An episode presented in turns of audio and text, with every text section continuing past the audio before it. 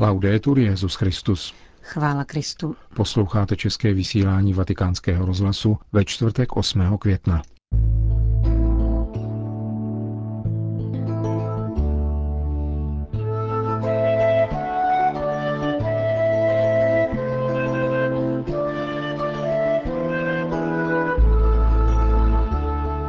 Evangelizaci uskutečňuje Bůh sám, řekl papež František dnešní ranní homílii. Petrův nástupce přijal nejvyššího představitele arménské církve Karekina II. Svatý stolec se poprvé účastní turínského knižního veletrhu. Dnešním pořadem vás provázejí Johana Bronková a Milan Glázer.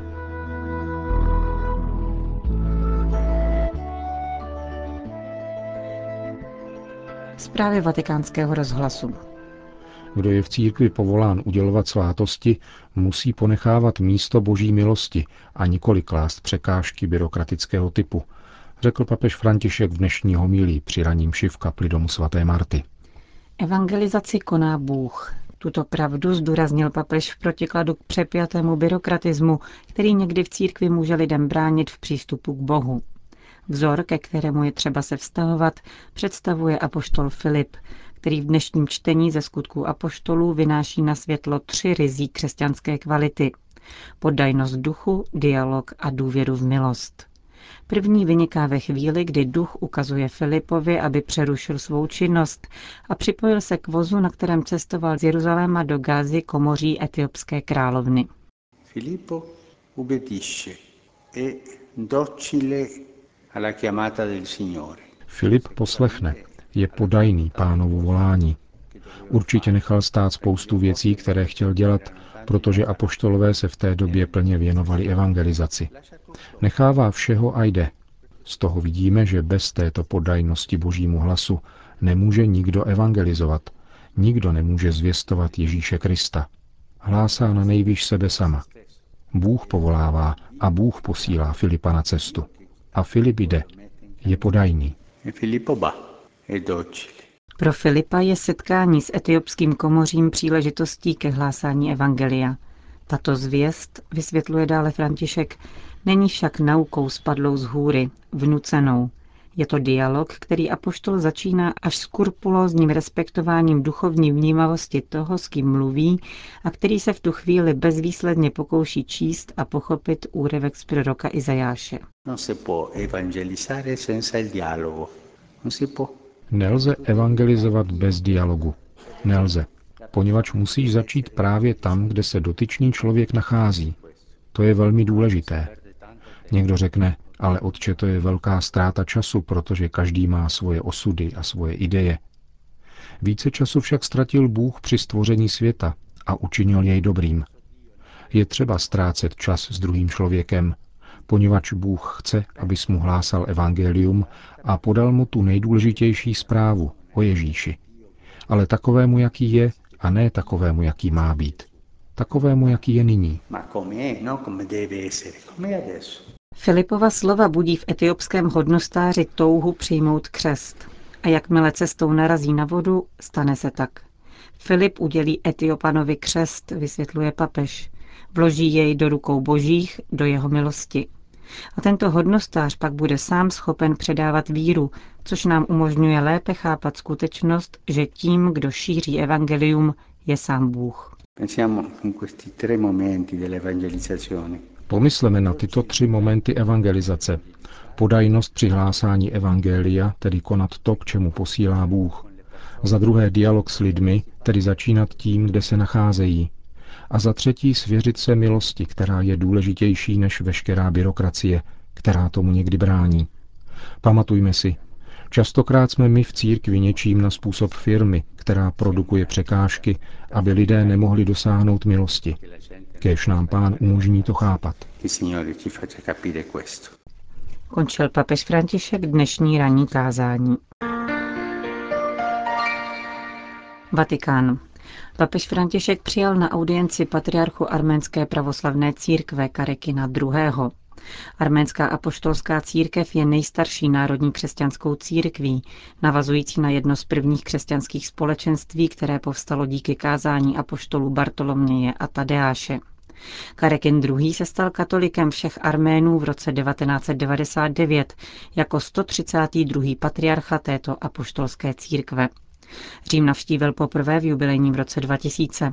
O rok později mu Jan Pavel II. opětoval návštěvu v jeho sídelním městě Ečmiadzinu. Karekin II. rovněž osobně vedl arménskou delegaci na pohřbu Jana Pavla II.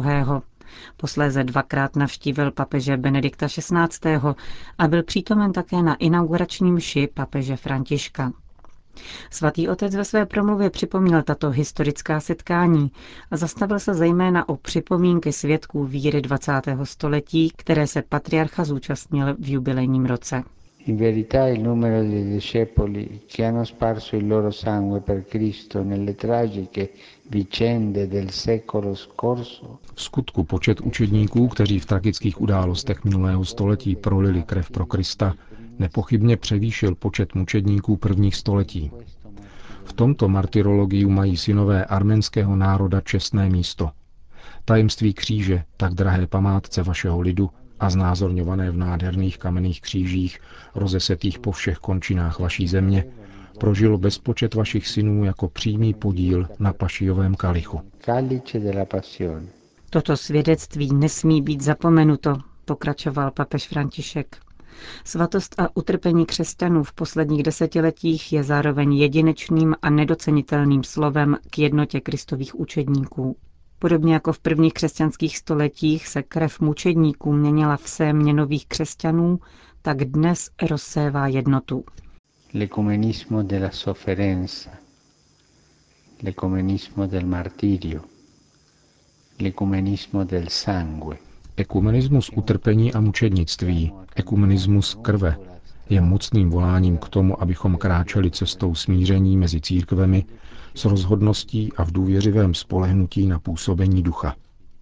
Cítíme povinnost kráčet touto cestou bratrství také jako dluh vděčnosti, který máme vzhledem k utrpení tolika našich bratří, jež je spásné, protože je spojeno s Kristovým utrpením.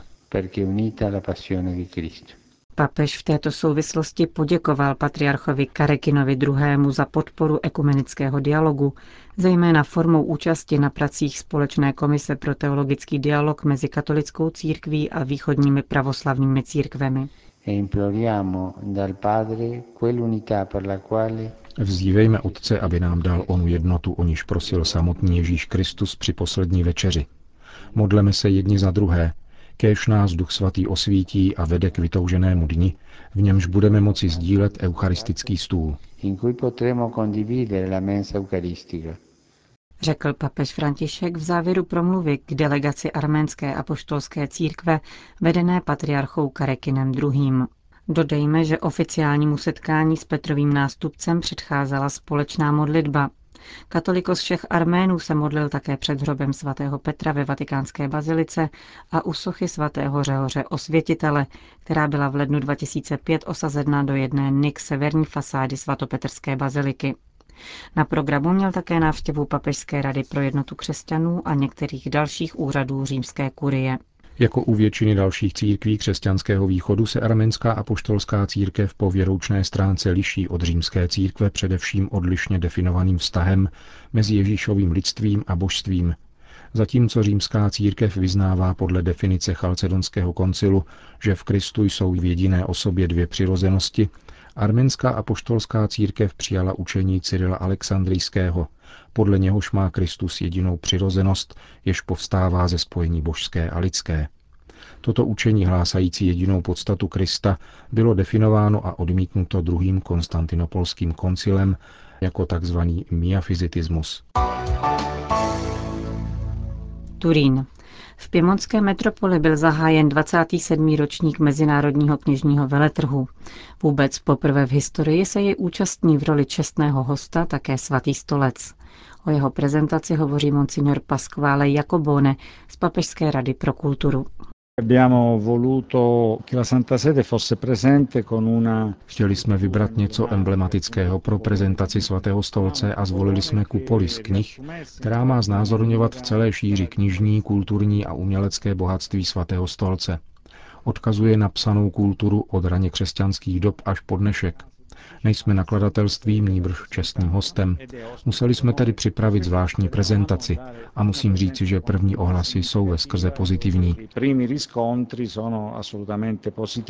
Pozice svatého stolce je velmi prestižní, má vlastní pavilon uprostřed prodejní výstavy.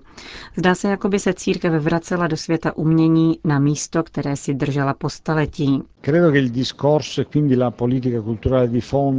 Myslím, že je to kulturní politika, kterou v posledních letech vede zejména kardinál Ravázy.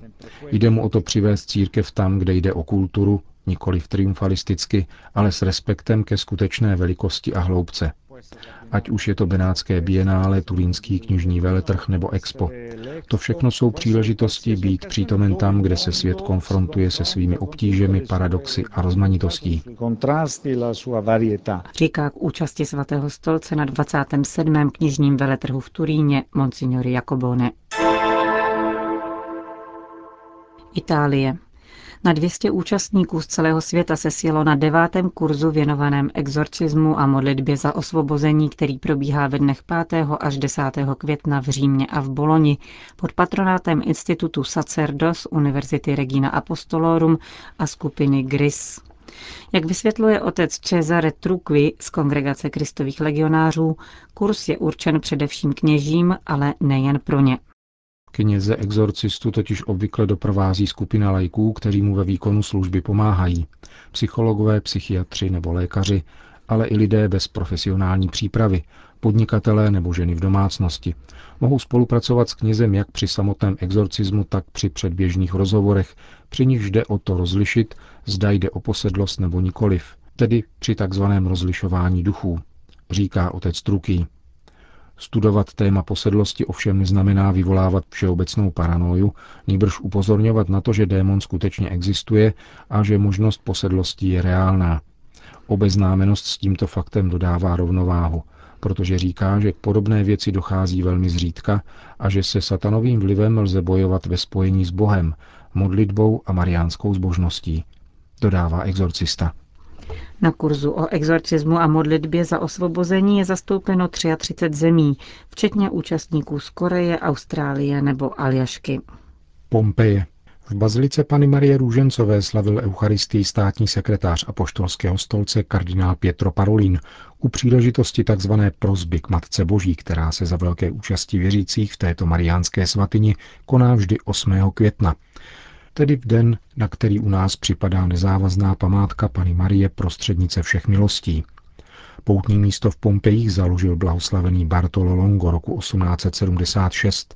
Bazilika byla postavena z darů věřících. Kardinál Parolin ve své homílii mluvil o poslání svěřeném všem křesťanům, totiž vyznávat víru, praktikovat ji láskou k bližnímu a být tak světlem světa.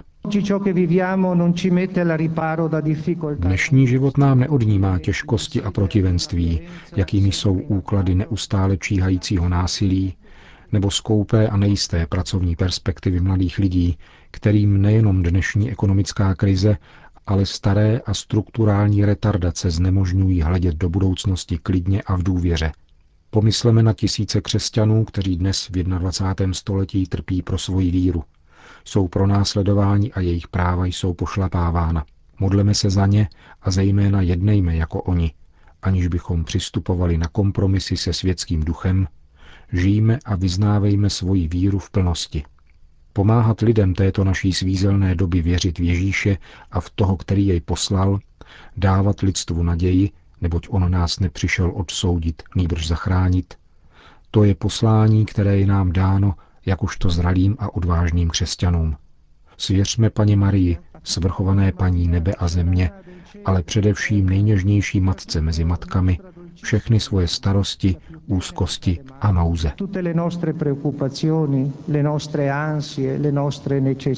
Řekl dnes mimo jiné kardinál Parolín ve svatyni Pany Marie Růžencové v Pompejích. Končíme české vysílání vatikánského rozhlasu. Chvála Kristu. Laudetur Jezus Christus.